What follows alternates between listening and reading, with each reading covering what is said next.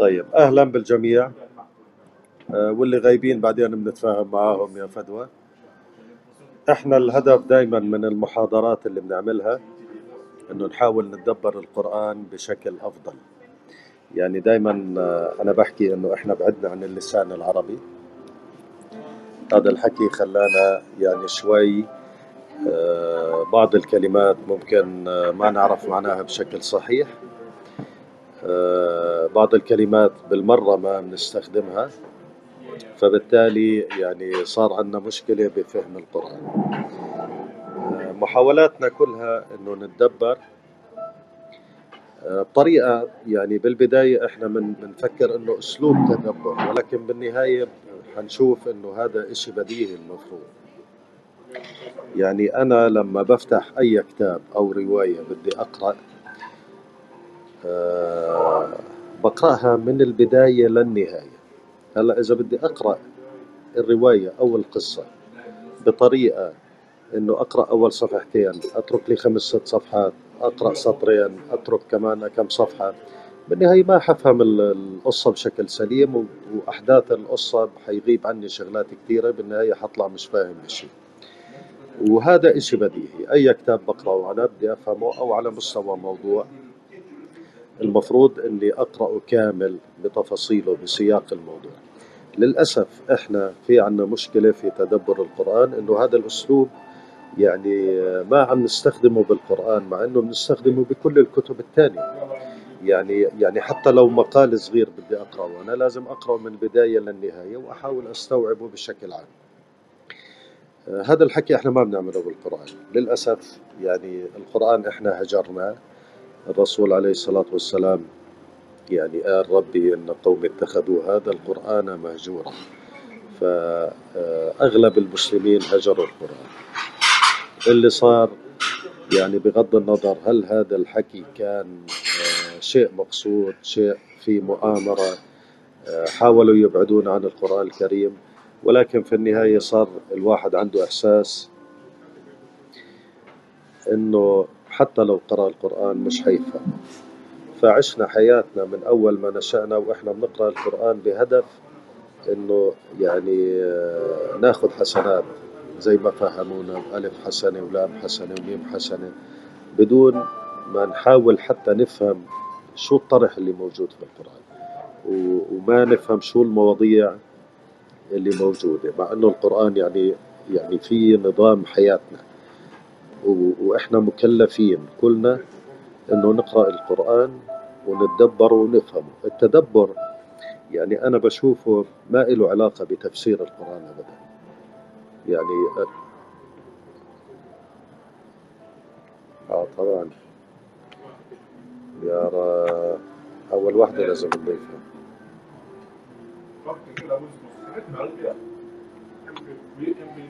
طيب هاي ضفتها. أهلا يارا يارا معانا.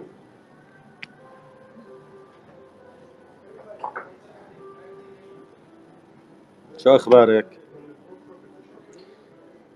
متأخرة. في عليك. ما أعطيناك التوقيت من أسبوع هلا بدك تخوتي علينا يا يارا بعدين معك.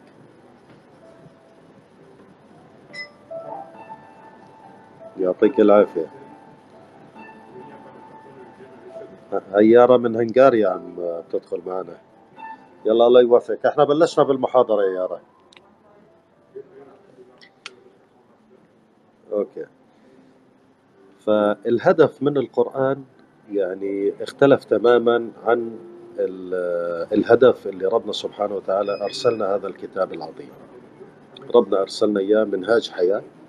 المفروض إنه إحنا كلنا نفهمه.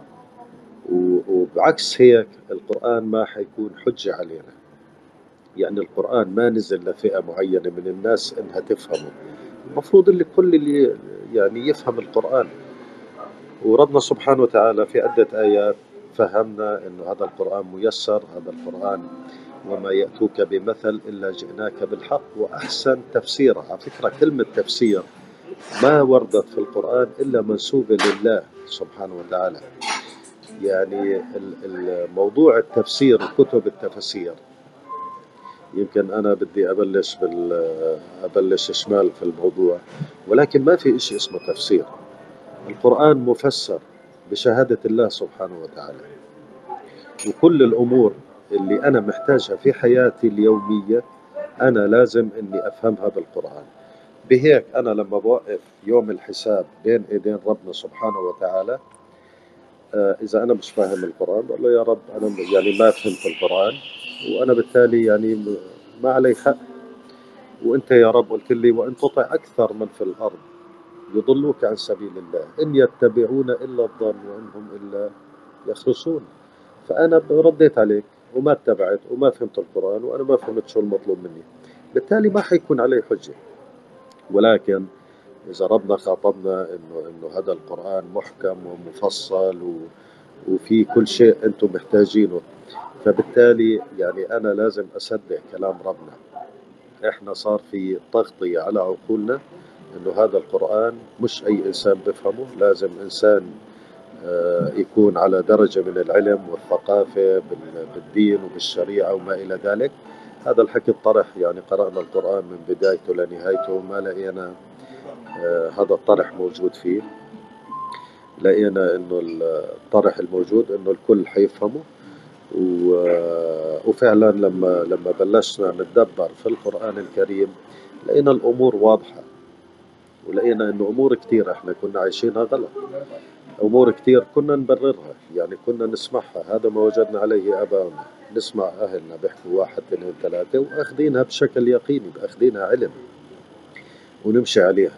ولكن لما بلشنا نتدبر القرآن لقينا أنه لا الموضوع يعني في شغلات كثير مختلفة وفعلا الإنسان لازم يرجع للقرآن. آه، فكرة المحاضرات بلشت من هون من سنوات طويلة. أنا بلشت أعمل المحاضرات. آه، أنا بشوف التدبر بالقرآن لازم يبلش على مستوى الكلمة نفسها على مستوى سياق الآية على مستوى الموضوع اللي موجود آه، بالصورة لأنه ممكن صورة تنتقل من موضوع لآخر فأنا لازم أقرأ الموضوع كامل. وبالنهاية على مستوى القرآن ككل لأنه وجدنا في بعض المواضيع بتلاقيها في في مواقع معينة بالقرآن وبتلاقي توضيح إلها أو تكملة إلها في مواقع أخرى. والحقيقة يعني هذا مش من أجل التشويش كان أو من أجل أنه يعني يصعب علينا الأمور لا. آه، بتلاقي الطريقة هذه اللي استعملها ربنا في القرآن بخليك لا يمكن أنك تمل من هذا الكتاب. يعني أي كتاب ثاني. أنا لو قرأته مهما عجبني. أنا بلاقي حالي أنه قرأته مرة أو مرتين وبعدين بحطه على جنب يعني. ما, ما برجع له مرة ثانية. ولكن القرآن كل ما بترجع له بتلاقي فيه فوائد جديدة بتكتشف فيه أمور جديدة. الأسلوب اللي كتبه فيه ربنا آه، بيخليك باستمرار. بدك تتعلم أكثر وبدك تفهم أكثر وبدك تستوعب أكثر وتطلع بمعطيات ومخرجات ودلائل. وهذا اللي عم بيصير معنا ومع الكل ورح تضل الدلائل اللي موجودة في القرآن. آه، يعني لا تنضب أبدا ليوم القيامة. أنا يعني بشوفه قمة الإعجاز. حتى كلمة إعجاز ما ما وردت في القرآن لأنها تصف هيك شيء. يعني هو هو ربنا سماه آيات آيات القرآن والآيات الشيء المبهر الخارج يعني عن آه، عن استطاعة البشر إنهم يأتوا بهيك شيء. أي آية والمعجزات بشكل عام ربنا سماها آيات وبراهين اللي إجوا فيها الرسل ما سموها معجزات. فربنا سبحانه وتعالى مش هدفه إنه يعجزنا. ربنا سبحانه وتعالى بالعكس عم بيسر لنا الدين ولكن إحنا عسرنا الدين. بعدنا عن القرآن وبعدنا عن الطرح الميسر ودخلنا بمواضيع كثيرة. هذه المواضيع آه، أنا بشوف أنه صار في دين إسلامي موازي دين بشري دين وضعي. آه، البشر وضعوه مخالف جدا لمعظم المواضيع اللي موجودة في القرآن. صعب الدين كثير. آه، بدنا نحاول إحنا في خلال هذه المحاضرات إنه نستطيع نوصل لمرحلة إنه فعلا إحنا قدر الإمكان نوصل لمعاني الكلمات والآيات اللي موجودة بالقرآن قدر الإمكان على مراد الله عز وجل بعيدا عن أي شيء ثاني تعلمناه في حياتنا. الموضوع ببساطة إن... نعم. okay. أه بدي أعطيكي host أنت على أساس مين ما بدك تدخلي تقدري تدخلي. حس الصوت واضح عندك صح؟ اي واضح. طيب. مور. هاي أعطيتك host. تمام؟ هلا أنت بتقدري. دخلتها وأنت هلا بتقدري تتصرفي. تمام فالتدبر على مستوى الكلمة على مستوى السياق وعلى مستوى الموضوع بشكل عام. إن شاء الله لقدام آه، إحنا حنستمر بالمحاضرات إن شاء الله كل يوم أحد حتى برمضان كمان بنفس التوقيت أو ممكن يختلف شوي برمضان كونه الناس يعني في صيام و وفي صلاة العشاء والتراويح وكذا ممكن نأجلها نص ساعة أو ساعة نعلن عن هذا الحكي. آه، ورح نحاول نغطي قدر الإمكان في المواضيع اللي اللي بدنا نطرحها. إحنا يعني اليوم خليها تكون هيك مقدمة بسيطة آه، على أساس الكل الموجودين يعرفوا شو الطرح اللي بدنا نكون فيه.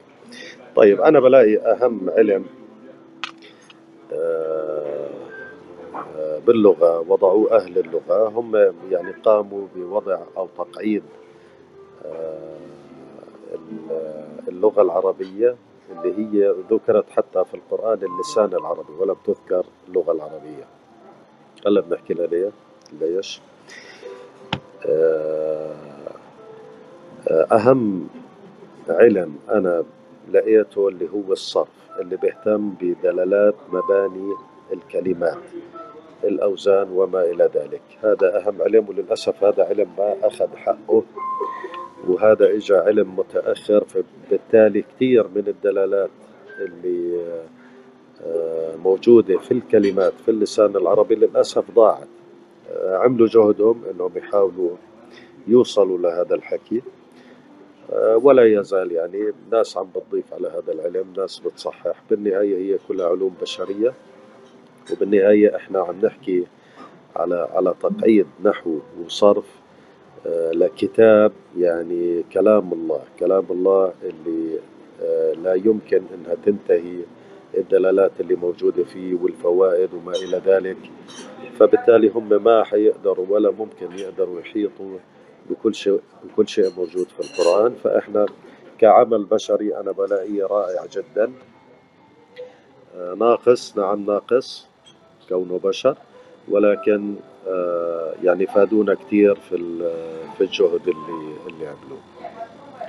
طيب بداية الصرف أنا دائما بحب أبلش بموضوع الجذور والمشتقات وكمان هذا الموضوع في البداية يعني ممكن يكون موضوع جديد ولكن بعدين أنا بلاقي إنه لا هذا كمان موضوع بديهي موجود باللسان العربي اللسان العربي فيه من الترابط والنسق وال آه، يعني اللسان العربي من أقوى الألسنة اللي وجدت على الأرض. أنا بالنسبة لي وصلت لقناعة أنه لا يمكن بشر يكون حط قواعد اللسان العربي.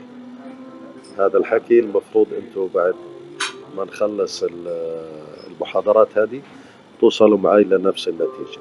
لازم لازم بطرحي أنا آه، وبلزم حالي بهذا الطرح. ما بلزم حدا ولكن أنا بلزم حالي وعلى قناعة مية بالمية بهذا الطرح أنه ربنا سبحانه وتعالى هو اللي وضع اللسان العربي. أنا بحكي عن اللسان العربي المبين آه، اللي هو أعلى من اللي, اللي ما يسمى أو سموه بكلمات مستحدثة اللغة العربية الفصحى. آه، لازم ربنا سبحانه وتعالى اللي هو اللي وضع القواعد لأنه القواعد اللي موجودة فيه عجيبة والترابط يعني إشي رائع جدا.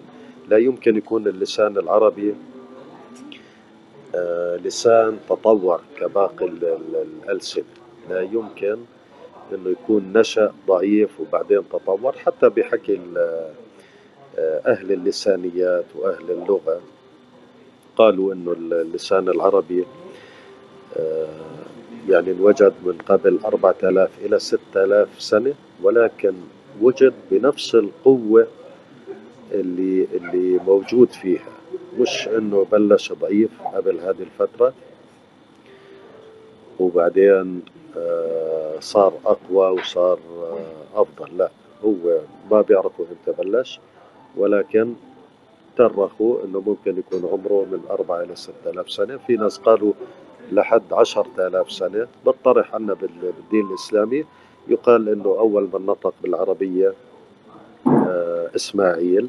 أنا بشوف إنه أول من نطق بالعربية آه، آدم عليه السلام. وأنا بشوف في ترابط مباشر بين علم آدم الأسماء كلها والموضوع هذا. وأنا الحقيقة يعني مع المدرسة اللي, اللي بتقول إنه بداية اللغة كانت الأسماء. لأنه هم انقسموا هل ممكن تكون بداية اللغة أو اللسان الأسماء أو الأفعال. أنا بلاقي إنه من البديهي إنها تكون الأسماء. يعني لو افترضنا إنه إنه اللسان العربي تطور وليس الطرح آه، اللي أنا بآمن فيه. فأنا بالبداية بشوف الإنسان الأول لما بده يبلش يحكي لا يمكن يبلش بالأفعال. يعني ممكن يبلش بالإشارات بعدين ببلش يحكي أسماء. يعني بده ياكل بيحكي أكل مثلا. لا يمكن يبلش أريد أن مثلا. فأنا بشوف إنه بلش بالأسماء. آه، وهذه اللي اللي علمها ربنا سبحانه وتعالى لآدم. طبعا آه هذا عبارة عن تدبر. ولكن لما نشوف قد إيه اللسان العربي قوي من من أقوى الألسنة اللي موجودة حاليا واللي لا يمكن إنه يندثر حنوصل لنتيجة أنه لا يمكن يكون البشر هم اللي وضعوا اللسان العربي. لا يعني لابد أنه يكون الله سبحانه وتعالى هو اللي وضع اللسان العربي بالقواعد الموجودة في في اللسان العربي المبين. أو على أقل تقدير ما, ما يسمى الآن اللغة العربية الفصحى. يعني هي ما بتوصل للمبين ولكن على مستوى اللغة العربية الفصحى آه، من أقوى الألسنة. أنا بشوف إنه هي اللي أعطت للغات السامية كلها. يعني آه، يعني لما بتطلع على اللغات السامية بتلاقي عدد الجذور أقل عدد الأحرف اللي موجودة فيها أقل. لا يمكن لغة تاخذ من لغة ثانية لو افترضنا العربية تاخذ من السامية لا يمكن تطلع بجذور أكثر ولا يمكن تطلع بعدد أحرف أكثر. بالعكس بدها تطلع مساوية أو أقل. ولكن بنلاقي إنه إنه اللسان العربي آه، أحرف أكثر آه، جذور أكثر. اللسان العربي بحدود ال 5500 جذر من الجذور المستخدمة وهذا بنلاقيه بكل المعاجم أو أغلب المعاجم من أمهات أمهات الكتب من اللسان العربي أو لسان العرب أو تاج العروس أو ما إلى ذلك من الأسماء المعروفة. بنلاقي انه العبرية القديمة مثلا أو الحديثة بتلاقي الجذور لا يمكن تتجاوز ال 1800 جذر كل ما زادت الجذور كل ما زادت عدد المشتقات اللسان العربي ممكن تشتق من الجذر الواحد أكثر من 500 مشتقة من الجذر الواحد. آه تقديريا بيقولوا إنه اللسان العربي ممكن يوصل فوق ال 18 مليون كلمة. هذا الحكي لا يمكن إنك تلاقيه في أي آه لسان ثاني واللسان العربي ما استخدم كل الجذور يعني إذا قلنا على 27 آه، أو 28 حرف أنا بالمناسبة بعتبر الهمزة حرف. في ناس ما اعتبروها حرف أنا بعتبرها حرف لأنه بتيجي في بداية الكلمة وفي منتصف الكلمة وبتيجي على ألف آه، فوق الألف مع فتحة أو همزة الوصل بتحولها لهمزة القطع وبتيجي تحت الألف كمان همزة القطع المكسورة وبتيجي على واو وبتيجي على يا وبتيجي في نهاية الكلمة وبتيجي مستقلة في منتصف الكلمة. فبالتالي هي حرف حتى بالجذور. لو اختلفت من همزة قطع لهمزة وصل قد يختلف الجذر وتختلف الدلالة. فأنا بعتبرها حرف. فلو افترضنا أنه 28 حرف فأنت 28 في 28 في 28 بيطلع عندك فوق ال 17 ألف جذر. إحنا بنحكي على المستخدمين حاليا أو الموجودين في المعاجم لا يتجاوز الستة آلاف. أكيد في آه، جذور ثانية يمكن إحنا بطلنا نستخدمها. آه، في جذور الرباعية آه، بتوصل بحدود ال 400 جذر. ممكن تكون أكثر في شغلات كمان ضاعت منا للأسف. وبشوف القرآن الكريم يعني ربنا سبحانه وتعالى حفظ الذكر وحفظ اللسان العربي. لأني أنا يعني ما ما بحاول ما بدور على أي قاعدة أو على أي وزن كلمة أو على أي مثال إن كان آه، نحوي أو صرفي إلا بلاقي فيه له آه، أصل في القرآن الكريم. فربنا سبحانه وتعالى حافظ على اللسان العربي آه، وحافظ على الذكر. لو بلشنا في موضوع الجذور والمشتقات خلينا اليوم ناخذ بس هيك يعني لمحة بسيطة. الجذور والمشتقات كمان هذه من اللي بتميز اللسان العربي. آه الكلمات اللي موجودة في اللسان العربي لو كانت مشتقة من نفس الجذر لازم تحمل الدلالة اللي موجودة في الجذر نفسه. يعني لما بحكي أنا كتب اللي هو آه، الفعل الماضي المجرد وناس أخذوا الجذر من الفعل الماضي المجرد وناس أخذوه من المصدر وناس أخذوه من المضارع. آه، كل واحد حسب مرتأى أنا باخذه من الفعل الماضي وهو أسهل ما يمكن أنك ترجعه للفعل الماضي. فكتب آه، بطلع منها كتاب بطلع منها كاتب بطلع منها مكتبة. فبلاقي إنه كلها نفس تركيب الجذر أنا نقلته للمشتقة بالتالي الدلالة اللي موجودة بالجذر كتب نقلتها لكل المشتقات الثانية. بينما بأي لغة ثانية لو حكينا بالإنجليزية وحكيت book حكيت library حكيت writer فبلاقي إنه ما في علاقة بين الكلمات. هذه واحدة من أهم الأمور اللي بتعطي قوة للسان العربي. إنه الجذر واشتقيت منه هذه الكلمات وهذه الكلمات كلها ترتبط في دلالة موجودة في نفس الجذر لو استطعت إني أوصل للدلالة اللي موجودة في الجذر فأنا كلمات كثير حتى لو ما مرت علي مشتقات أنا ممكن أعرف يعني يعني لشو تعني هذه الكلمة أو لماذا ترمي هذه الكلمة أو شو الصفة اللي موجودة في هذه الكلمة. الحقيقة كل كل الكلمات كونه آه، أنا بعتبر أو أنا مع مع المدرسة اللي بتقول الكلمات بلشت كأسماء الأسماء هي كانت صفات وأطلقت على أشياء لتصفها وهذه الأشياء أخذت هذه الأسماء من نفس الصفة. كيف يعني؟ يعني أنا لما بحكي الحديد الحديد. الحديد أخذ صفة الحدة يعني يعني الحديد لو افترضنا إنه في بداية آه، آه، تواجد اللسان العربي. اللسان العربي دائما الأسماء بتسمي الأمور بأهميتها وبتواجدها تطلق عليها هذه الصفات. فالحديد يعني هو اللي كان آه، يعني أكثر مادة مستعملة. فبالتالي الحديد سبق لهذه الصفة. لو كان البولاد موجود كان البولاد مثلا سموه حديد. ولكن الحديد أخذ هذه الصفة وحجزها له بالتالي لا يمكن أسمي أي معدن ثاني حديد حتى لو في صفة الحدة بسميه اسم ثاني فالحديد أخذ من الحدة وكل الأسماء أخذت صفات نفس الفكرة اللي موجودة في الحديد. يعني لما بحكي الدب أخذ من الدبيب. أخذ. هل هو الوحيد اللي فيه دبيب؟ لا في دواب كثير ولكن هو سبق لهذه الصفة. فبالتالي أي مخلوق تاني أو حيوان تاني بدي أسميه بدي بدي أوصفه بصفة تانية أصلا موجودة فيه.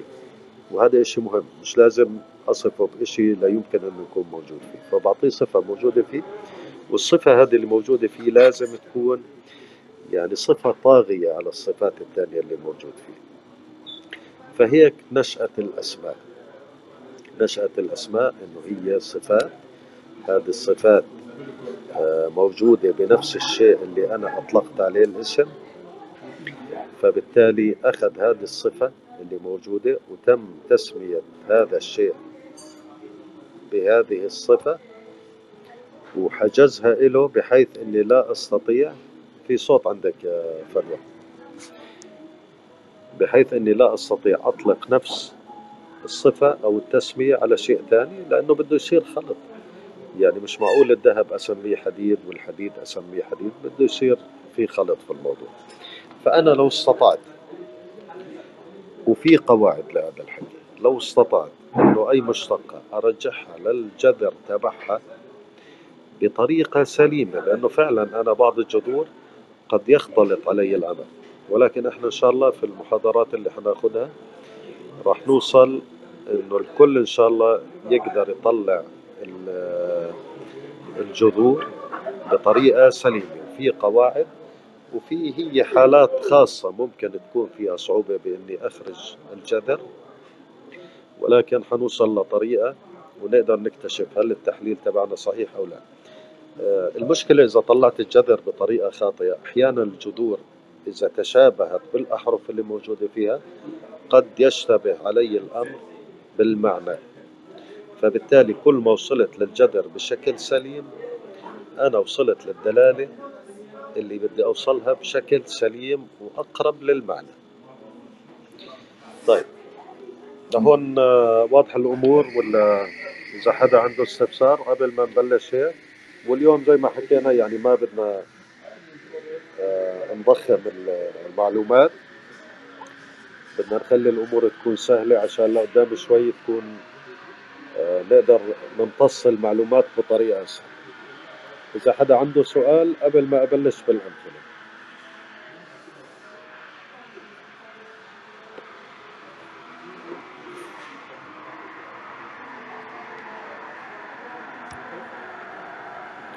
طيب خلينا ناخذ أمثلة. وأنا دائما بعطي نفس الأمثلة. ويعني ببلش منها عشان أوضح الأمور شوي. لما بحكي آه، الجنة وبحكي عالم الجن وبحكي المجنون الجنين آه، الجان هدول كلهم أخذوا دلالة موجودة في نفس الجذر ارتبطوا فيها وجذرها جنن أو جنة. ونفس الدلالة اللي موجودة بهذا الجذر انتقلت لجميع المشتقات هذه. هلا أنا بالبداية بحس إنه ما دخل الجنة بالجنين وشو دخلها بالجان وشو دخلها بالأمور هذه. ولكن لازم يكون في لها علاقة ولا يعني ما كان طلعت هذه المشتقة من نفس الجذر يعني لو عندي جذر كتبة مش معقول أطلع منه طاولة. لا أنا بدي أطلع منه إشي له علاقة في الكتابة. قرأ. بدي أطلع بكل المشتقات إشي له علاقة بالجذر قرأ. فجنن طلعت منها كل هذه الكلمات.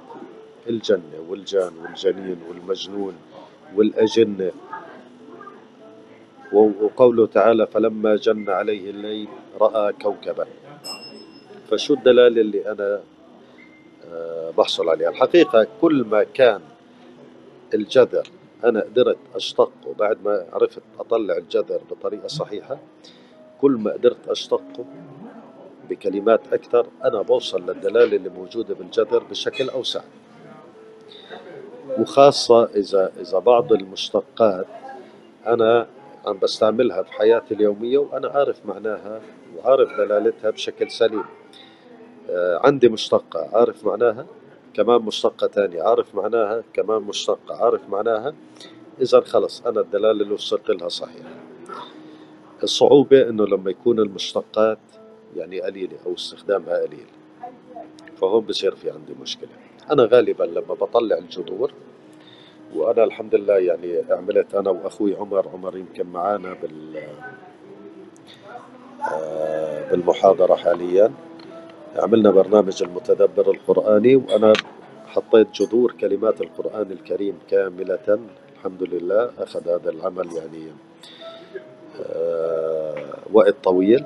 بس هذا ساعدنا إني أنا لما بدي أدور على جذر أي كلمة في القرآن الكريم يعطيني كل المشتقات اللي وردت لهذا الجذر فبالتالي ساعدني كثير إني أوصل للدلالات اللي موجودة في المشتقات عن طريق إما الكلمة نفسها أو عن طريق السياق اللي موجود في الايه فلما باجي مثلا لجننة وبلاقي المشتقات هذه كلها بوصل لدلالة إنه جنن بيعطيني دلالة للشيء المغيب اللي لا يمكن آه الإنسان إنه يشوفه. ولو أسقطت هذا هذه الدلالة على الكلمات كلها لازم أخرج بنفس النتيجة.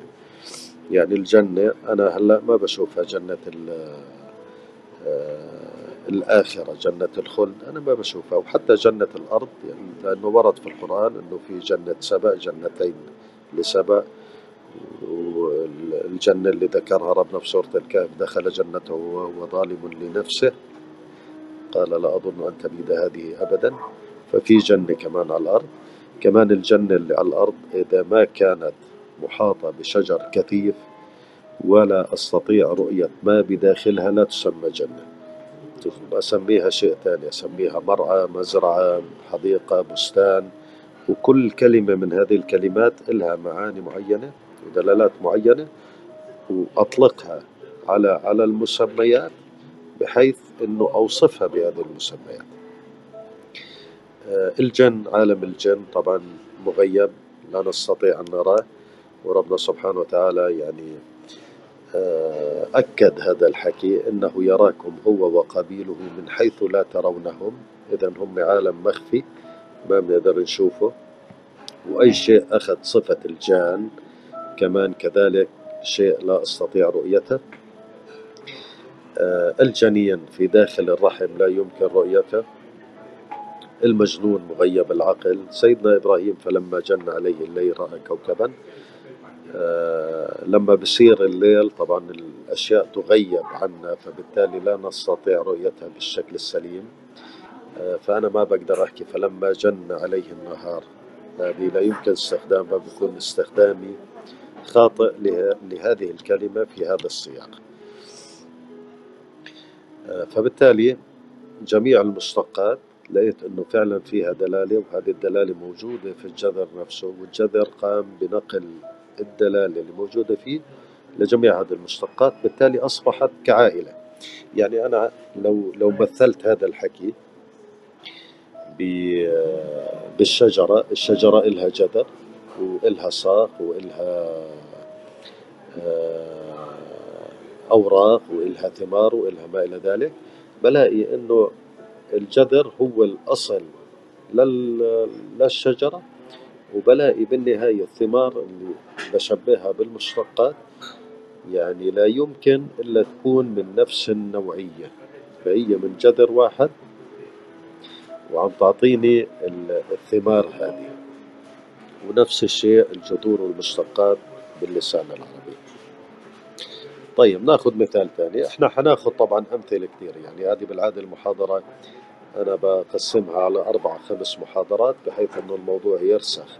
يمكن بالبداية بتكون في شوية صعوبة بس بعدين بصير إشي سهل وإشي حلو. بصير الواحد يعني يفكر بكل كلمة تعلمها شو أصل معناها. وهذا شيء جميل جدا. هذا كمان يعني جميل جدا في وصف أو يوصلني لدلالة الكلمات الغير ملموسة غير محسوسة الصفات الغير ملموسة يعني الصفات المادية. أنا بقدر لو واحد قال لي أوصف لي الطيارة بوصف له إياها شو معنى طيارة؟ بقول له لأني شايفها ولامسها. ولكن لو حكى لي شو معنى الرحمن شو معنى الظالم شو معنى آه الرؤوف. فأنا إذا استطعت إني أوصل فعلا للجذر الصحيح والجذر الصحيح قدرت إني أطلع الدلالة اللي موجودة فيه. أنا بقدر حتى الأمور الغير ملموسة أستطيع اللسان العربي لديه القدرة إنه يخلينا نشوف معنى الكلمة أو السياق وكأنه صورة أمامنا يعني يستطيع أن يرسم لنا صورة نراها بأعيننا. طيب آه لو حكينا الأسنان والرجل المسن وسن السكين. آه هذه المسنن هذه كلها أمور مشتقات أخذناها من الجذر سننة أو سنة. فأنا أخذت المسنن الأسنان الرجل المسن وسن السكين. أنا بطلع بلاقي يعني ما في ترابط بيناتهم ولكن لو وصلت للدلالة الصحيحة بشرط أنه جميع المشتقات يعني ما تكون مستحدثة لأنه لو كانت مستحدثة فممكن أطلقت على أشياء بطريقة خاطئة كون الدلالة اللي موجودة بالجذر ما قدروا يوصلوا لها بشكل سليم. فلو كانت أصلا من أصل اللسان العربي الكلمات فلازم تحمل نفس الصفة اللي موجودة في في الجذر فالسن. سنة أنا بلاقي الشيء اللي آه، اللي فيه صار عليه ضغط واحتكاك. ضغط واحتكاك. يعني الأسنان بنلاقي إنه في ضغط واحتكاك. الرجل المسن الحياة عبال ما وصل لهذا العمر كرجل مسن أكيد مر في ضغوط الحياة وصار عليه ضغط واحتكاك.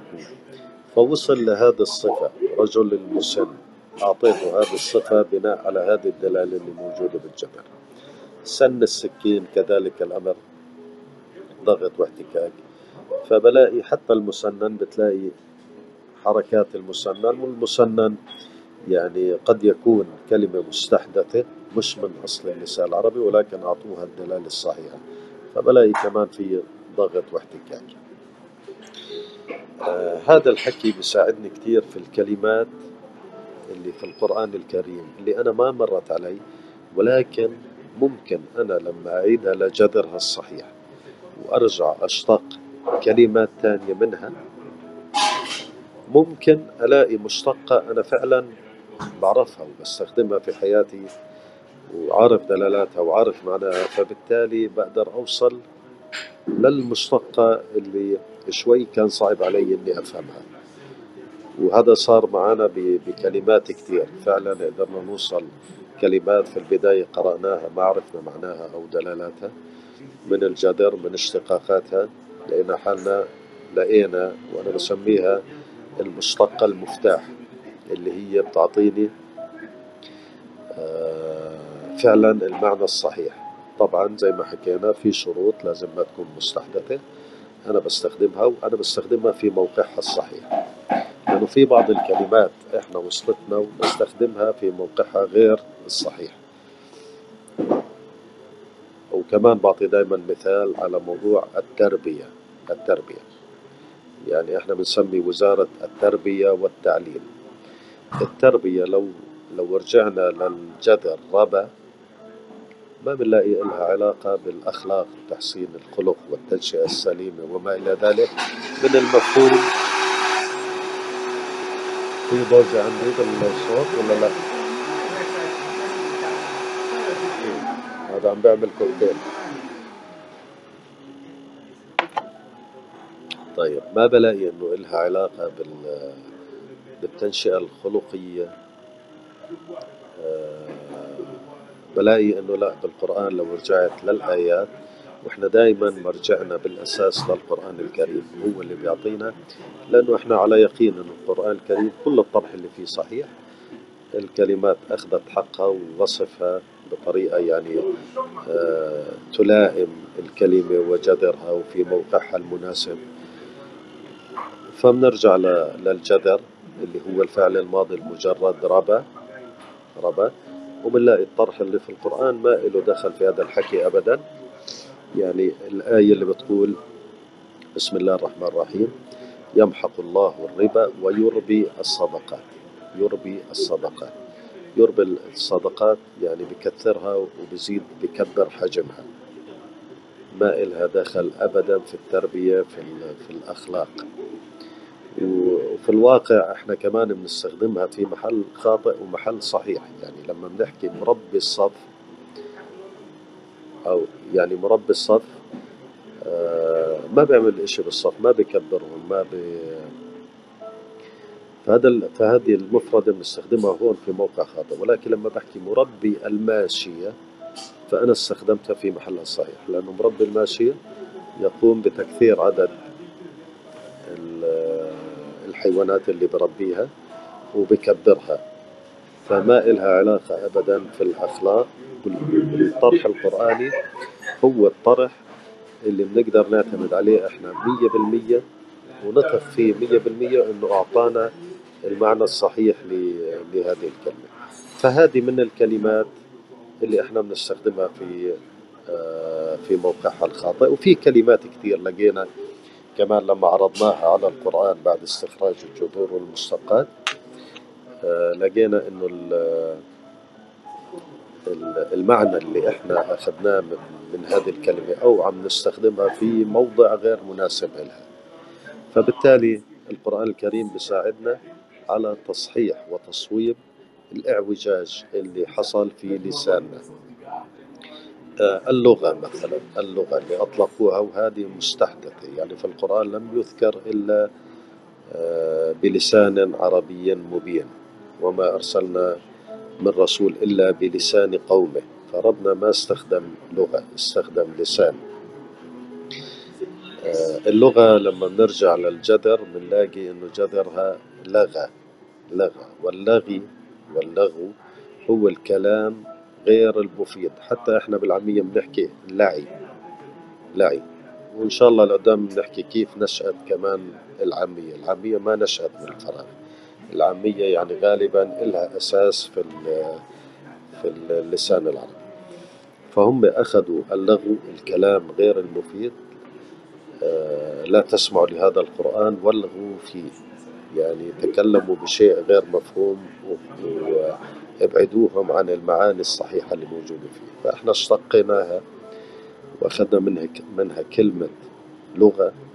وكلمة لغة الحقيقة يعني هي نزلت آه هذه التسمية نزلت من مستوى اللسان العربي. وللأسف كلنا بنحكي اللغة العربية اللغة العربية. حتى الأجانب بحكي مادر تانج وتانج يعني يعني كلسان الأجانب بيستخدموها لوصف اللسان أو اللغة حاليا. بسموها لانجويج ولكن أساسها هي تانج فإحنا يعني بدنا نحاول قدر الإمكان كمان نرجع لل للتسميات الصحيحة وللوصف الصحيح اللي موجود آه، بحسب القرآن الكريم. لما بحكي آه، النزول والطلوع إحنا بنحكي نزل بمعنى اتجاهات وطلع بمعنى اتجاهات. كمان هذه استخدمناها في محل خاطئ. الطلوع اللي هو الظهور وليس اتجاهات. والنزول ليس اتجاهات. النزول اللي هو إقامة مؤقتة. وهذا الحكي يعني أنا كمان بستخدمه في العامية بقول طالع من البيت. طالع. فهل أنا صاعد مثلا؟ هو البديل للكلمة هبط وصعد آه، طالع من البيت أنا ما ما مش رايح اتجاهات أنا بطلع بظهر. واللبنانيين بيقولوا بدي أظهر بدي أظهر بدي أطلع. طلعها كرؤوس الشياطين طلعها يعني عندما تخرج فهي وهذا الجذر تبعها طلع. فهي لما تخرج كرؤوس الشياطين تظهر كرؤوس الشياطين. لما بكون مسافر بقول أو أو طالع مشوار طالع مع أصحابي أو طالع آه، على سوريا يومين أو نازل على العقبة نازل على لبنان. فأنا بستخدم الكلمات في في مواقع صحيحة ولكن أنا الدلالة والمفهوم اللي أخذها من هذه الكلمات خاطئة. فالنزول طلع منه المنزل مثلا. كلمة منزل خرجت من نزل فبالتالي المنزل أنا ما بروح له اتجاهات المنزل اللي هو أنا أقيم فيه أقيم فيه بصفة مؤقتة.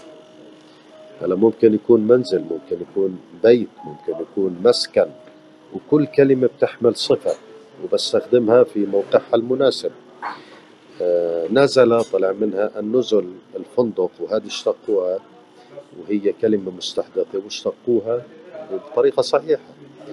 واللي واللي بروح على النزل أو الفندق بسموه نزيل لأنه هو سكن بشكل مؤقت أو نزيل في مستشفى كمان هو موجود بالمستشفى بشكل مؤقت. فبالتالي أخذ الصفة هذه فهي ما إلها علاقة بالاتجاهات أبدا. آه، ينزل من السماء هو ينزل فيه وينزل من. ينزل فيه يسكنه بشكل مؤقت ينزل من يخرجها من موقعها اللي كانت موجودة فيه بشكل مؤقت فبالتالي هذا كمان من الكلمات الخاطئة. آه، نازل على على سوريا. أنا نازل إقامة مؤقتة يومين ثلاثة وبدي أرجع فاستعملت هذه الكلمة. حتى يعني يعني استخدموا كلمة مستحدثة للطائرات بيحكوا هبوط الطائرات ما بيحكوا نزول الطائرات. لو استخدم نزول الطائرات فهي يعني لو قصد فيها الهبوط فهي خاطئة. لو قصد فيها إنها يعني ستكون متواجدة في هذا المطار لفترة معينة وتخرج لو استخدم هذه الصفة بيكون صحيح نزلت الطائرة مثلا حيث إنه صار في إقامة مؤقتة. آه، لهذه الطائرة وبعدين طلعت تكون الصفة صحيحة ولكن عشان يوصف الاتجاه فسماها فعلا هبوط وأعطاها الصفة الصحيحة. كلمات استخدمناها صحيحة وكلمات استخدمناها خاطئة. الهدف إن شاء الله من هذه المحاضرات أنه نحاول نوصل للمعاني بشكل أدق ونحاول نوصل لمعاني كلمات اللي موجودة في القرآن الكريم هو يعني أساس هذه المحاضرات أنه كلنا إن شاء الله نحاول نفهم القرآن الكريم قدر الإمكان على مراد الله عز وجل نوصل للمعاني الحقيقية والدلالات الحقيقية اللي موجودة في القرآن الكريم. يعني هذه مقدمة آه، بسيطة حبينا نبلش فيها وإن شاء الله المحاضرة الثانية آه، نحكي بشكل موسع نحكي بالجذور بشكل موسع نحكي كيف يعني نقوم بإخراج الجذر بشكل صحيح. آه نشوف هل المشتقات كلها اللي ظهرت لأنه في بعض المشتقات زي ما حكينا يختلط عليه الأمر. عفوا. فبدنا نشوف إنه هل جميع المشتقات هذه تشترك في جذر واحد ولا ممكن يكون أكثر من جذر وفي تقارب بالجذور بحيث اختلط علي الأمر. قواعد معينة لو استخدمناها وقواعد سهلة بلاقي حالي بسهولة بقدر أوصل للجذر الصحيح لهذه الكلمة. آه، ونوصل إن شاء الله لتدبر سليم. هلأ إحنا جايين على يعني أيام مباركة إن شاء الله رمضان. آه، بدنا نحاول نقرأ القرآن برمضان بتدبر وليس يعني كما كنا نفعل سابقا في رمضان. أنا ختمت مرة وأنا ختمت خمسة وأنا عشرة لا يعني لو قرأنا آية أو قرأنا صفحة واحدة في رمضان كله بتدبر سليم أحسن من إنه نختم القرآن الكريم كامل وإحنا مش فاهمين منه شيء لأنه الهدف من التدبر إني أحاول أفهم قدر الإمكان الطرح اللي موجود في القرآن وبالتالي أفهم شو اللي مطلوب مني أنا اتجاه ديني. اللي موجود بالقرآن الكريم بشكل مفصل ومفسر واضح للجميع. والله يعطيكم العافية. إذا في حدا عنده أي أسئلة أنا جاهز إن شاء الله. الله يعافيك يا فدوى. الله يسلمك يا كلثوم صديقتنا الغالية. الله يسلمك طيب. وعليكم السلام ورحمة الله. أهلا أبو العنود. أهلا أهلا. شو أخبارك؟ نورت الزوم يا أبو العنود.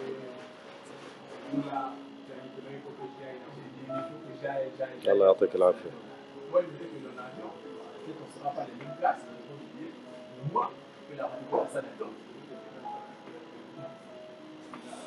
هذا بدنا ناخده بدنا ناخده بالتفصيل إن شاء الله.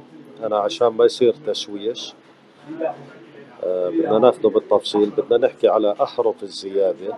أحرف الزيادة اللي هي يعني لازم لما بدي أطلع الجدر أستطيع إني أشيل أحرف الزيادة كاملة من الجدر أو من المشتقة حيث اوصل بحيث أوصل للجدر الصحيح. أحرف الزيادة هم جمعوها في كلمة سألتمونيها. سألتمونيها. السين وهمزة القطع واللام الميم التاء النون الياء الهاء الواو همزة الوصل. سألتمونيها. آه، ما لم تكن من أصل الجذر هذه الأحرف فهي أحرف زيادة.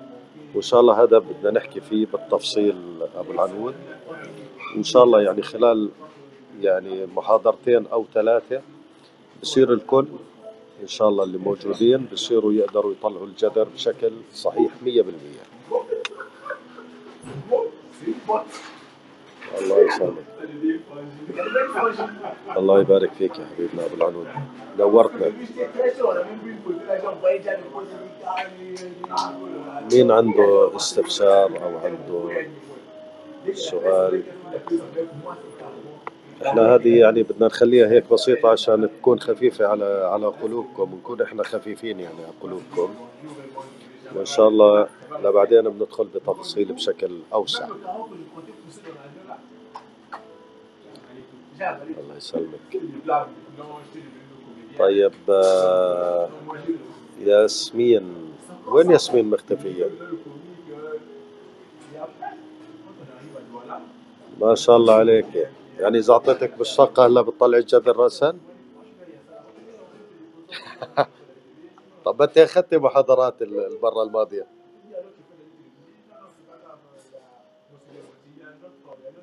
الله يبارك فيك الله الله يسلمك يا ياسمين موفق سامعني؟ سامعك آه بس أنا عم بحكي مع الجماعة اللي اللي على الزوم آه طيب طيب يعطيك ألف عافية بس هاي معلومات قديمة بالنسبة لنا إحنا على الكلب هاوس. أنت, انت صرت ما شاء الله يعني متطور. إحنا ب... هاي إيش السنة الأولى ولا السنة الثانية؟ خلصناها إحنا هون على الكلب هاوس. هذه تم... تمهيدي هذه. هاي تمهيدي يا زلمة رجعتنا لقبل سنة سنتين. آه إن شاء الله بدنا نغطي هذا الموضوع كامل آه أبو لجاين. آه بنحاول نغطيه يعني إن شاء الله برمضان. يمكن ما نلحق لأنه يعني الأغلب مشغول واختاروا هم يوم أحد من كل أسبوع.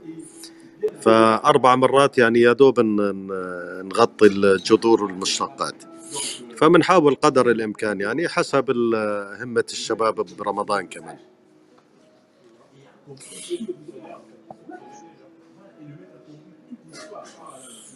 طيب أنا بدي أحاول آه، أحكي هيك بالله. نعملها يوم الجمعة مثل قبل. هو المشكلة فدوى إني مش في اليوم المشكلة في التوقيت في رمضان عشان صلاة التراويح. آه. هي مشكلة في كده. طيب يعني. موفق. أنت ليش الشباب والصبايا اللي عندك على الزوم آه، تجيبهم عنا على النادي؟ وبنصير نعمل الحصة بس على الكلب هاوس. والله هو هذا اقتراح. بدنا نعرضه على باقي التيم تبعنا ونشوف اذا إذا في مجال بناخذهم على الكلب هاوس كمان. بن بنسجل لك 15% من نادي حنيفا مسلما باسمك. أس... يا سيدي نعطيك 15 سنه مسامح مسامحكم 15% قليل بدك تزيد لي النسبة شوي. ما هو بودا له 50% 50% بجيب لك كل الأعضاء. بودا له 50% وصابرين لها 35% فضايل عندنا 15% بس. فدوى بتقول لك أعطينا 50% بنجيب كل جماعتنا لعندكم. 45 لا يا 45 أستاذ لا أستاذ موفق لو حيدينا سندوتشات شاورما إحنا حنروح كلنا هناك.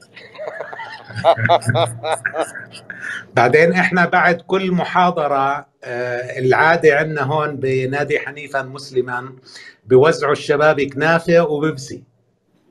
آه سمعتي لا أنا عايزة شاورما. لا أنا عايزة شاورما. لو في شاورما هروح. شاورما سورية ولا مصرية؟ لا سورية طبعا. سورية بدهم يا معلم. خلص بنرتبها آه، أبو لجين بنرتبها بنحاول نرتبها وبنشوف شو ال- شو الأفضل طيب تمام وين شو آه، شاورما؟ شو شاورما؟ في ناس متغربة ما عندها شاورما ولا منسف ولا شيء. تحكوش عن شاورما. آه انت ما رجعتي على عمان لسه؟ كشري. كشري كشري كشري حتى كشري ما في عندنا ما في ما في. يا علينا ما انت بتضلك تنزلي لنا بتضلك تنزلي لنا أكلات وتقولي لي هنغاريا وهنغاريا وجننتينا فيها. والله أكلهم زاكي. زاكي وطبايخ بيعملوا آه بس صحي صراحة كثير صحي. آه. طيب إذا صحي ممتاز. بس يكون زاكي. طيب آه آه إحنا هون هلا هيك بنكون هنا إن شاء الله. شاء الله خير. آه أبو لجيد إحنا حطيناك على الواتساب معنا okay والشباب كلهم يعني حطيناهم معنا على الواتساب.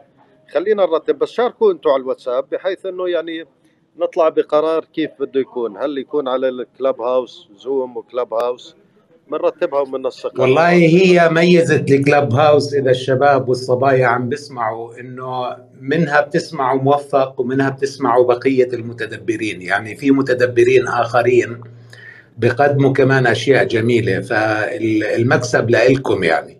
موفق. اوريدي أحد الأعضاء المؤسسين لنادي حنيفا مسلما وبيعمل هون محاضرات. ترى موفق عم بضحك عليكم بعطيكم لغة عندكم بس بس عندنا هون عم بتدبر بسور القرآن وبتدبر موضوعات عميقة جدا. فبتستفيدوا من موفق عنا أكثر وبتستفيدوا من بقية المتدبرين. أعطينا خصم 50% وندخل شو عندكم. شو رأيكم؟ إحنا بس بنحكي لغة ولا بنتدبر وبصيروا تلطموا اخر المحاضرة؟ وين عنا ولا عندهم؟ عنكم أنتم على الزوم مش بتصيروا تلطموا لما نت... لنا يوم اللطم إحنا هون. أنا هلك لك إياهم بالتدبرات يا باشا. بس هلأ عم برجع لهم الذكريات ال- القديمة. والله لطمنا لقلنا بس. لا إحنا شطار يا فدوى إحنا شطار.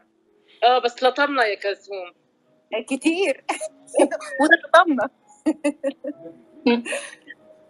على بنرتبها سيرة اللطم.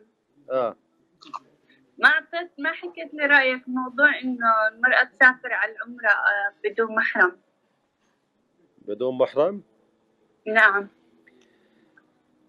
يعني أنا بشوف عادي هلا الوضع عم عم تطلع. الطيارة هي مش طالعة يعني لحالها ممكن خوف على المرأة إنها تسافر لحالها الزلمه يعني لما بسافر إذا بده يسافر بالبر بسيارة لحاله ويمر بوقت مثلا شوارع مقطوعة بخاف. أما حرمة كونه إنه يعني إنه لازم محرم دينيا لأي سبب تاني غير إنه خوف عليها وعلى حياتها آه، ما بلاقي مبرر. وهلأ بالطيارة بتطلع بالطيارة معها يعني 80 إحنا بني بنحكي عن موضوع الح... العمرة تمام؟ كله لأنه كله. النقاش والجدال صار عن موضوع العمرة. نعم. هلأ هلأ بالقرآن ما في شيء موجود علني يعني بقول لك شيء واضح إنه ما بيصير المرأة تسافر لحالها للعمرة، أصلا ما في عمرة لل... للحج أو وات ايفر أي مكان، نعم. بس موضوع السفر الديني اللي هو ممارسة عبادة مثل العمرة أو الحج يشترط وجود المحرم، نعم. هلأ المحرم على سبيل المثال إذا كان الخبر صحيح أم خطأ. إنه السعودية أقرت إنه المرأة تسافر لوحدها بدون محرم لتمارس عقيدة الحج أو العمرة. الناس اعترضت عليه. نعم. وهو أصلا مش موجود غير في بعض الأحاديث إنه المرأة تسافر بمحرم. صح نعم. ولا لا؟ صح. فهلا دينيا هل يجوز إنها تسافر إنها تسافر لحالها؟ بجوز نعم. بجوز. هلا في وضعنا الحالي. معاكي نابكن على الطيارة وخلص في بدل ما وضعنا الحالي هي ما عم تطلع أنا لحالها. ماشي أنا مسافرة هنغاريا بسافر كل الدنيا لحالي ما بيهمني. بس أنا بحكي من ناحية هلا صار نقاش وجدال لأنه أنا بحكي بنقطة إنه عادي المرأة تسافر وتمارس عباداتها اللي بدها إياها لأنه موضوع الخطر أزيل. ما ك... هلا بطل في قطاعين طرق مثلا بالطيارة. يعني إذا اختطف الطيارة اختطف الكل ذكر وإرا- و... واناث ما راح يجوا عليكي انت ويعملوا فيك ال... شيء معين. بس لكن إحنا بنحكي عن موضوع إنه حقك انت تمارسي عبادك وبدك تطلعي. ما تكوني عبء إنه تستني واحد يقول لك تعالي أنا باخذك أو لا. يكون ما تكوني انت عبء على حدا. سؤالي اللي بسأله لأنه كمان الناس طيب يارا يارا عام هم اعترضوا على الموضوع يارا السعودية حتى قبل هذا القرار وما بعرف إذا هذا القرار صحيح ولا لا. فهم سمحوا للمرأة إنها تسافر أصلا بالعموم بس ما خصصوا العبادات بدون محرم. هم كانوا مانعين أي سفر بدون محرم. فهم من زمان فتحوا المجال لهذا الحكي وصارت المرأة تروح وتيجي ولكن ممكن للعبادات هلأ بالخصوص لأنه بتعرفي أنت لما بندخل في العبادات فبالتالي من جديد يمكن طلع هذا القرار وأنا بقول لك دينيا ما فيها شيء خاصة في وقتنا هذا. يعني حتى زمان لما كانت كانوا يسافروا بقوافل ما هي بقافلة موجودة. وكونه يعني ما في أصل لهذا الحكي في القرآن الكريم أو إشارة له فمسموح إنها آه، تروح وتيجي بدون أي محرم طبعا. أهلا. ديننا أسهل. المشكلة ديننا يا ديننا أسهل من هيك وأيسر. اللي اللي ألحدوا بسبب الدين وليس بسبب مثلا تقليد لأنه في ناس ملحدين مقلدين للغرب. وفي ناس ملحدين بهدف الظهور أمام المجتمع إني أنا معارض أو مخالف أو. ولكن في ناس ألحدت فعلا بسبب القيود اللي شافوها في الدين. قال لك مش معقول هذا الدين يكون دين صحيح هذا بخالف فطرتي بخالف منطقي وعقلي. آه، بس ما بيطلع لهم موفق شو ما كان السبب انهم يلحدوا؟ والله لاي واحد بيطلع هو بالنهاية اختياره. لا ما بيطلع. إحنا إذا بنرجع للدين اللي موجود في القرآن آه، الدين ال- ال- الميسر البسيط. يعني ربنا يريد الله بكم اليسر ولا يريد بكم العسر. إحنا اللي عسرنا. ربنا بده اليسر وأعطانا الأمور اللي فيها مصلحتنا وميسرة وأي إنسان يعني يتقبلها. ربنا ما بيعطينا فطرة وعقل ومنطق وبنزل دين يخالف الثلاثة هدول لا يمكن. فبالتالي إحنا اللي عسرنا الدين وإحنا اللي أضفنا إلى الدين وإحنا اللي لغينا أمور كثير كويسة بالدين. يعني أضفنا شغلات عقدت الدين وقمنا بشطب الكثير من الأمور اللي يعني سهل كان يعني كان فيها الطرح أسهل وأسهل للاتباع. فعقدنا الدين وفعلا اللي بيرجع لل للقرآن الكريم بلاقي إنه يعني الدين دين إنساني دين مسالم دين آه، الفطرة بتقبله والمنطق والعقل والمجتمعات الإنسانية وكل يعني كل هذه الأمور بتلاقي يعني تتماشى مع الطرح الموجود في القرآن بينما إذا خرجت خار- خارج القرآن آه، بتلاقي التناقضات وبتلاقي الاختلافات اللي موجودة وبتلاقي الأمور اللي عقدت فعلا الدين اللي خلت الإنسان عبارة عن روبوت آه، عبارة عن جهاز بتحرك بس أداء لشعائر.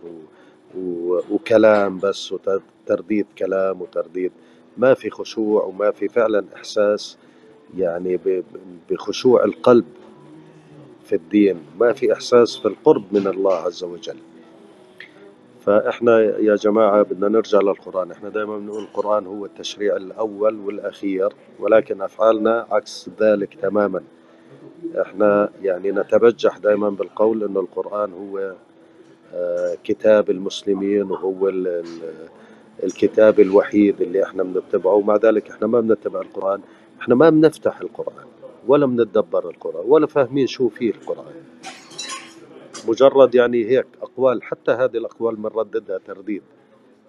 بس فعليا إحنا ما يعني يعني بعيدين عن عن القرآن. إحنا في إسلام تاني موازي آه، وضعي بشري. هم اللي حطوا لنا إياه وهم اللي فرضوه علينا. فبدنا نحاول نخرج من هذا الحكي. والحمد لله يعني كثير هلأ عم بتجوا للقرآن خرجوا من هالقوقعة وهالصندوق اللي اللي حطونا فيه 1400 سنة. وإن شاء الله الأمور في تحسن.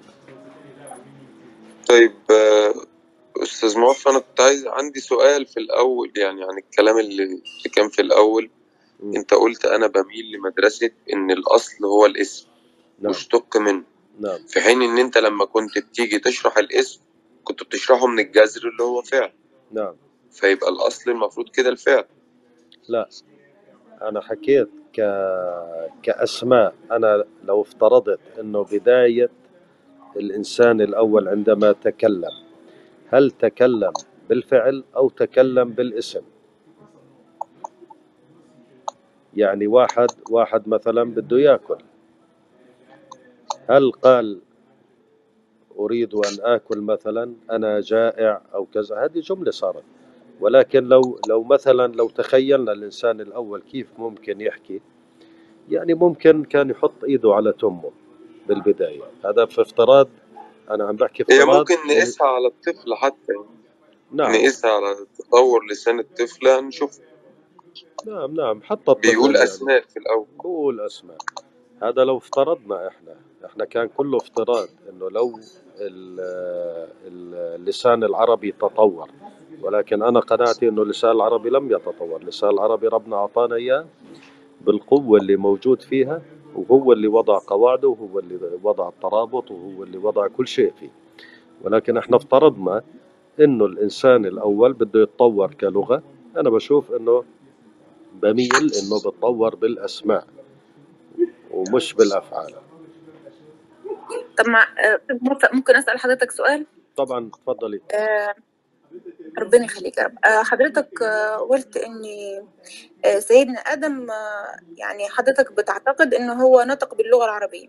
نعم. على أساس بداية الاسماء طيب يعني ده كان من باب أولى إن بعدين كل البني آدمين أو كل الحياة إن هي تنطق باللسان العربي. نعم. على أساس إن الأب الأول بيتكلم اللغة العربية أو بينطق الأسماء باللغة العربية. نعم. طيب راحت فين اللغة دي؟ يعني راحت فين وبعد كده آه، ات- اتقال يعني إن هي جت على لسان سيدنا آه، إسماعيل. نعم. هي ما راحت. هي كونه إحنا بنحكي في اللغة العربية اذا هي لا تزال موجودة. إحنا بعدنا بعدنا قليلا أو كثيرا يعني في بعض الأحيان عن اللسان العربي ولكن هي موجودة. هلأ من اللسان العربي خرجت ألسنة ثانية. ألسنة ثانية اختلفت. يعني يعني تخرج ألسنة تانية من الأصل اللغة العربية أو من أصل اللسان العربي وبعد كده ترجع تاني لسان عربي؟ لا لا هلا العبرية ما رجعت لسان عربي خرجت آه، لغات سامية وبعدين عبرية قديمة وعبرية حديثة وهلا العبرية اللي بتكلموا فيها. آه آه. يعني معنى ذلك إن كان في فئة بت بتتكلم باللسان العربي أثناء ما كانت اللغة العبرية موجودة وأثناء ما كانت اللغة نعم نعم, آه، نعم. سواء اللغة نعم. الهيروغليفية هلأ انت هلأ أنت مثلا. هلأ أنت آه، كلثوم موجودة في مصر أنا متأكد تمام. إنه في عندكم مناطق في مصر يتكلمون العربية وأنت لو قعدتي معهم مش حتفهمي حاجة السعودية ومح- وممكن لو اتكلمت بالطريقة السعودية ما حدش هيفهمني تمام هلا هذه نشأت كمان من العربية ولكن نشأت بطريقة ثانية آه، يعني اللهجة. بطلت لهجة بطلت مفهومة. آه، ممكن اللهجة كمان تتجه لتصير لغة الإنجليزية مثلا. إحنا وجدنا آلاف الكلمات أصلها عربية. أصلها آه، فعلا. عربية أصلها عربية. ولكن آه، يعني مش بسهولة أنت بتقدر ترديها للعربية. يعني هلا مثلا اللغة العربية الفصحى. هي ذهبت للعامية لأسباب معينة بحسب ظروف البيئة مثلا. آه، بحسب. ال- الحاجة المعينة. ممكن اللي قاطنين في في أماكن آه، كان في بعد بالمسافات بين الأشخاص بدهم ينادوا عليهم اختصروا بعض الأحرف آه، أو مع اختلاف الصوت اختلفت الكلمات أو هم بعدوا مثلا عن الأحرف. ال- المفخمة اللي صعب نطقها وزي ما بنشوف زي الجيم وال- والغين والثاء وال- والأحرف هذه ابعدنا عنها. تمام؟ كمان زي ما صارت العامية بسبب هذه ال- الظروف اللي موجودة والحالات اللي مرت عليها وبعض الأحرف اختلفت من حرف لحرف. يعني أنت الجيم صرتي جي تحكي له جيم. مزبوط؟ تمام. الثاء صاروا آه يحكوا له الساء ففي بعض الكلمات بالإنجليزي كمان اتغيرت الأحرف من حرف إلى حرف. فإحنا لما لما بنيجي بدنا آه، نقيس بعض الكلمات في الإنجليزية لازم نرجع الكلمات. زي ما بنرجع الجي- الجيم في المصرية للجيم فبعض الكلمات اللي اختلفت أحرفها في الإنجليزية لازم نرجعها لأصلها. فإذا استطعنا إنه نرجعها لأصلها بنلاقي إنها عم توصل للعربية. مش كل الكلمات طبعا لأنه هم أخذوا من لغات تانية. طبعا. فبالتالي لقينا كلمات لما لما استطعنا فعلا انه نرجعها. آه، إحنا بنعتبرها ال- التطور اللغة مش العامية تطور اللغة.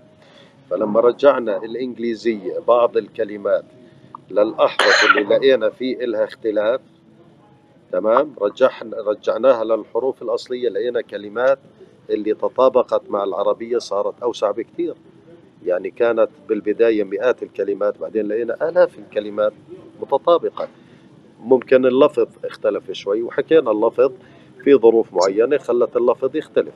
ممكن هم بعض الأحرف ما كانوا ينطقوها بشكل سليم. هلأ هم فعليا عندهم أحرف ما بيقدروا ينطقوها بشكل سليم. فهذا غير على الكلمة كمان. فلقينا الإنجليزية يعني لا يمكن إلا أنها تكون أخذت من العربية معظمها وأخذت من اللغات الثانية.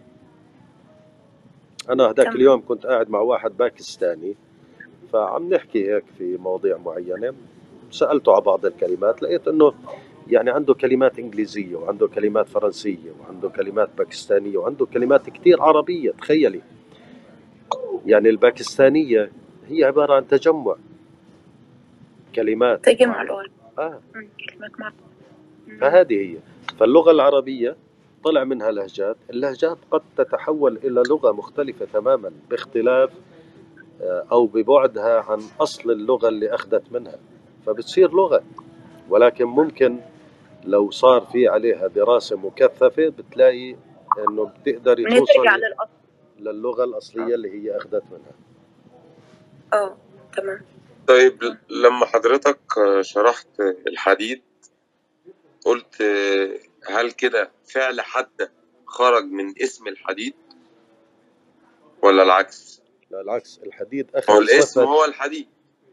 آه الاسم حديد. الصفة الفعل؟ الصفة آه. الحدة. آه. الحدة هي اللي أخذها الحديد. أول إشي عشان تسمي الأشياء لازم تطلق عليها أسماء عبارة عن صفات وهذه الصفات لازم تكون معروفة بالنسبة لك يعني أنا أنا بسمي سيارة لأني بعرف ال- الصفة اللي موجودة في السير بعرفها ال- السير في مسار معين مثلا. فأطلقته على السيارة.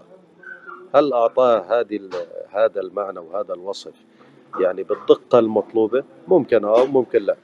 ولكن ال- السيارة أخذت أنا الصفة من المسير وأطلقته عليها. فهي حملت هذا الاسم وخلص. يعني ما بقدر أسمي طب هلا لو والسير السير نفسه اسم ولا فعل؟ لا اسم. ولا ولا المسير اسم ولا فعل؟ اسم. سار يسير أفعال. مسير وسير اسم. تمام شكرا أستاذ مصطفى أهلا. آه، مطرب نعم. عايدة هون. أهلا عايدة. عايدة. هاي. هاي كيفك؟ مساء الخير. مساء الفل. الكل كيفكم؟ عايدة كثير دخلت متأخرة هلأ دخلت. أنا عايدة أنا متأخرة. نص ساعة متأخرة مو؟ لا خلصنا حبيبتي. دقيقة مو كنتوا قبل ساعة ولا قبل ساعتين كنتوا كنتوا ثمانية قبل قبل ساعتين عايدة.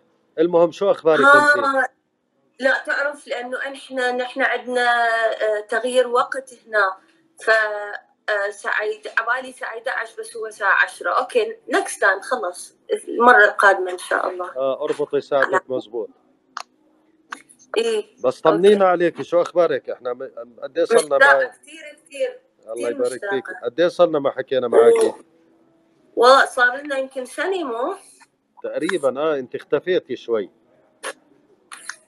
لا أنتوا أنتم آه، أظن تواعدتوا على محل ثاني زوم ما عندي يعني مو زوم فما ما كان عندي إياه.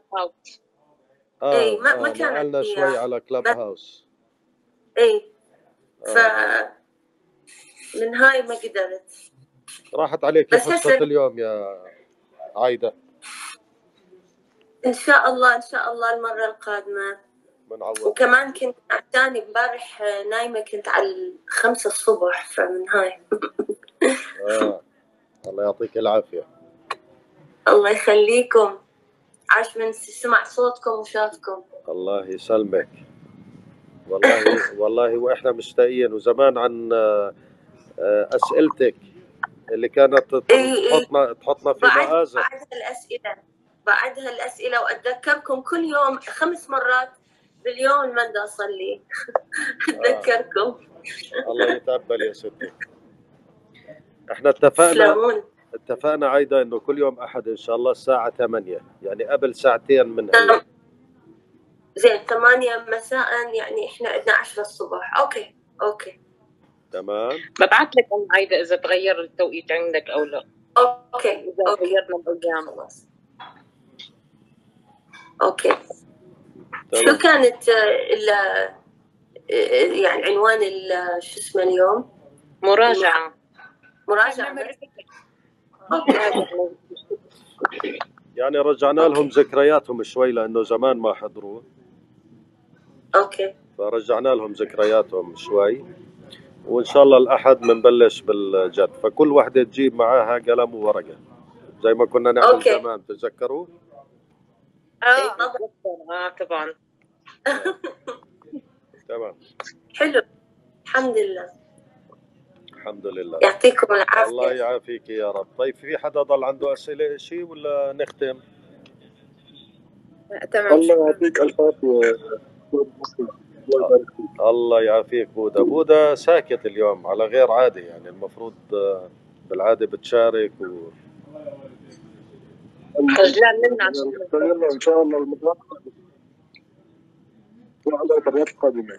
إن شاء الله إن شاء الله. طيب خلص بنخبركم إحنا على الواتساب.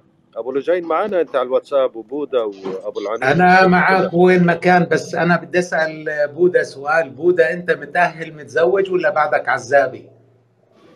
بودا؟ آه. بودا سامعني؟ والله لا وشكله من جديد. شكله من جديد اتجوز لأنه يعني وقته بطل له لا ما ظنيت. خلينا نسمع منه. بودا؟ شو بودا؟ متجوز بسألك أبو لجين ولا لسه؟ ما ما عم بسمع مت... أنت تجوزت أبو لجين بقول لك ولا لسه؟ والله ما عم بسمع. عند الزواج بطل يسمع. بطل يسمع يا معلم السؤال كله بطل يسمعه. آه. سامع يا بودا ولا مو سامع؟ هذا شكله مرته جنبه يا معلم. خايف. خايف. والله شكله- اسمع موفق. شكله متجوز ومكتوم على نفسه. الله يسلمك إيه. آه دقيقة بالله يا فدوى. مش سامع أبو لجين شو بيحكي. أبو لجين مرة ثانية؟ بقول لك شكله بودا متزوج ومكتوم على نفسه. آه مش قادر يحكي لأنه كل ما بنسأله سؤال بصير يطلع يمين وشمال. متاخد أسير. آه. إبراهيم أبو لبن صديق عزيز يمكن من سبع سنين أبو لبن؟ آه إذا مش أكثر كمان يا موفق. أكثر. ما شاء الله عليه أبو لجين يعني. يعني من الأصدقاء اللي بفتخر بصداقتهم والله. وبودا حبيبنا وهشام والشباب كلها. حصة صديقتنا ودانا. دانا وين راحت؟ اختفت ولا معنا بدنا نشرك معنا جيفارا كمان يا موفق. يا سيدي جاهزين إحنا. أيوه جيفارا تحت أنا بشوفه. وما طيب تنسى هشام. هشام من الشباب الصاعدين كمان يعني. ما تنسى صديقنا أروع الشباب. أيوه طلع أول. أول ما سمع بالاشتراك رفع إيده طلع. ما شاء الله عليه. لا أنا ما كنت هناك بس هنا أحسن. أنا كنت هناك في زوم فقلت أجي هنا. ما بننسى أخونا أبو العنود وأخونا أبو عبد الله. حياك الله طلال. حياك الله. والشباب كلهم ما شاء الله عليهم. طيب بنحاول نسحبهم على الكلب هاوس. أهلا وسهلا فيهم جميعا أصدقاء آه، عزيزين آه، عنا إن شاء الله. بتفضلوا عنا وبنكرمهم هون إن شاء الله. إحنا بنفضل الزوم لأنه يعني كل حدا في بلد. فبنشوف بعض كمان نطمن عليهم. آه ما بعرف بلاقيه كوزي أكثر الزوم أنا يا أخي بال- بالأمور هذه. لا خلينا هنا عشان كحل عيوننا فيك. محلو ما شاء الله عليك. الزوم آه شايف؟ خلص بدهم Zoom يا باشا. بدك تسحب لنا الشباب على الزوم هاي عايدة بدها زوم كمان عيدا بدها زوم بنشوف بنشوف كيف بنرتبها. هاي عمر ساكت لا Zoom ولا Clubhouse شكله. عمر عنده ضيوف. أنا Team أنا Teams Teams استنى استنى يا عمر استنى. عمر. آه. شنو Teams شنو سي... شنو Teams عمر مايكروسوفت تيمز عمر بتعرف كم واحد بقول لك بده المتدبر iPhone عمر شريكي بال بالمتدبر؟ تعرف كم واحد سأل عليه على ال Clubhouse؟ كلهم بيستنوا فيه. يلا okay. أول وحدة قول لك كل الناس ال- الكشخة iPhone يعني هو يا اي ما يصير. سمعت حصة شو بتحكي لك يا عمر؟ مش سامع لا والله sorry. احكي له يا حصة. كل الناس ال ال الكشخة عندهم iPhone ما يستخدمون هذه ال Android وال Galaxy وهاي التليفونات سمعت؟ ترجم بتقول لك كل الناس الكشخة عندهم iPhone ما بيستعملوا ال Android. آه كشخة آه طبعا. بدك, ماي تعمل version خاص للكشخة. صح. جاد شوفي شوفي يعني حصة. نعتبر والله. حصة أنا آه. وعمر أنا وعمر عنا متدبر iPhone إحنا VIP ولا لا يا عمر؟ اعطوني اعطوني المتدبر ايفون تست تست فيرجن بس تست فيرجن اعطوني زين test version عادي بسوي لكم test بنقدر ن- بنقدر نعطيها اياه test version زينا ولا لا؟ آه صعب شوي. لأنه لازم تكون على ال developer account أنا بكرة بدي أشتري iPhone عمر. اشتري iPhone اشتري معي. هلا هلا عمر هلا عمر شادد على المبرمجين لأنه عمر هلا موجود بالأردن هو بالعاده بيكون ب- ب England بس هلا اجى بده يتفرغ لهم. فأنا بتخيل خلال شهر آه. شهرين حينزلكم ال version إن شاء الله. شاء الله. آه بدنا نشد حيلنا والله كثير عم بنطلع. تضحكي تضحكي فدوى. فدوى بتضحك آه. ليه ما عم تطلع تمشي معاهم أنت؟ بطلت بس زعلتني فدوى. خلص ما بدي. قول له قول له ليه؟ ما هي بطلت؟ فانا بطلت معاها. لا أنا ما بطلت مين قال أنت لك عم بطلتي. تمشي عم تمشي فدوى. إمتى طبعا آخر مرة مشيتوا؟ كل يوم كل السبت اثنين أربع بس عمر من زمان ما اجى أنا صادفتني كورونا وبعدين البيت كله صار مكرون واحد ورا الثاني ست أسابيع إحنا مكرونين. يا فدوى ما انت لا يا فدوى ما انت بتخافي من الكلب تبعه لا. كيف لا سمحت له جيبه سمحتي له بس بتهربي لما بيجيبه بصيري بآخر الشارع. ضرب والله مو أنا اللي بهرب. مين واحد اسمه علي معانا بالجروب عراقي منه. جن جنونه من الكلب. الله. لا. والله مين هذا؟ لا مش عارف. هاي.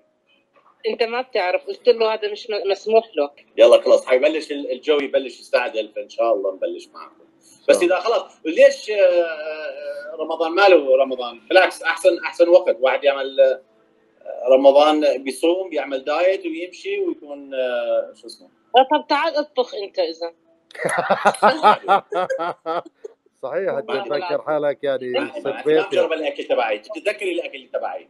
والله أنتم رجال ما في أسهل منكم بالتعليقات بس لما ما تلاقوا السفرة جاهزة. ها؟ وين دارين وينها دارين دارين بدبي دبي مش فاضيت لنا دارين. حطيت واحد بلون مدري كيف واحد ليش؟ المفروض أبو العنود سكر المي يعني يختلف هذا أبو العنود سامعينك يا أبو العنود. يلا يعطيك العافية موفق. الله يعافيكم جميعا. حبيبي. موعدنا موعدنا إن شاء الله آه، يوم الأحد الجاي الساعة 8 الأحد ان إن شاء الله. الله. عايدة إذا بتقولي لي خربطت في الموعد يا الله شو حنعمل فيك أنا وعمر خلص خلص لأن تعرفون إحنا عندنا شيء اسمه daylight daylight saving. وهلا خلصنا ال daylight saving وصير صرنا على شو اسمه التوقيت العادي. توقيت الصيف. فمرات يتخ... اي توقيت الصيف. فتخربطنا تخربطنا. آه. انت انت بتطفي النت لما بتنامي شكلك. شنو؟ نعم. شو؟ النت لاني رنيت عليك كثير ما بتردي. اي أطفى النت اني لما أنام. completely م. خلص إن شاء الله الأسبوع الجاي بنلتقي يلا إن تمام شاء وإحنا الله. وإحنا زي ما حكينا على الواتساب على الواتساب بنرتب. إذا حدا عنده اقتراحات عنده أي شيء بنحاول نعدل نظبط بحسب المناسب للجميع إن شاء الله. عايدة أنت لسه ما عندك واتساب؟ عندي BOTIM لا بس. آه okay. تمام؟ تمام. يلا الله يعطيكم العافية. الله يعطيكم شرفنا العافية. فيك باي. كثير بنشوفكم على الله خير إن شاء يسلمك. الله. ديروا بالكم على حالكم الله يسلم مع السلامة. أهلا. مع باي. السلامة. مع السلامة. مع السلامة. طيب هيك بنكون خلصنا بودا. أبو لجين. يعطيك ألف عافية موفق. شكرا لك الله يعافيك يا رب.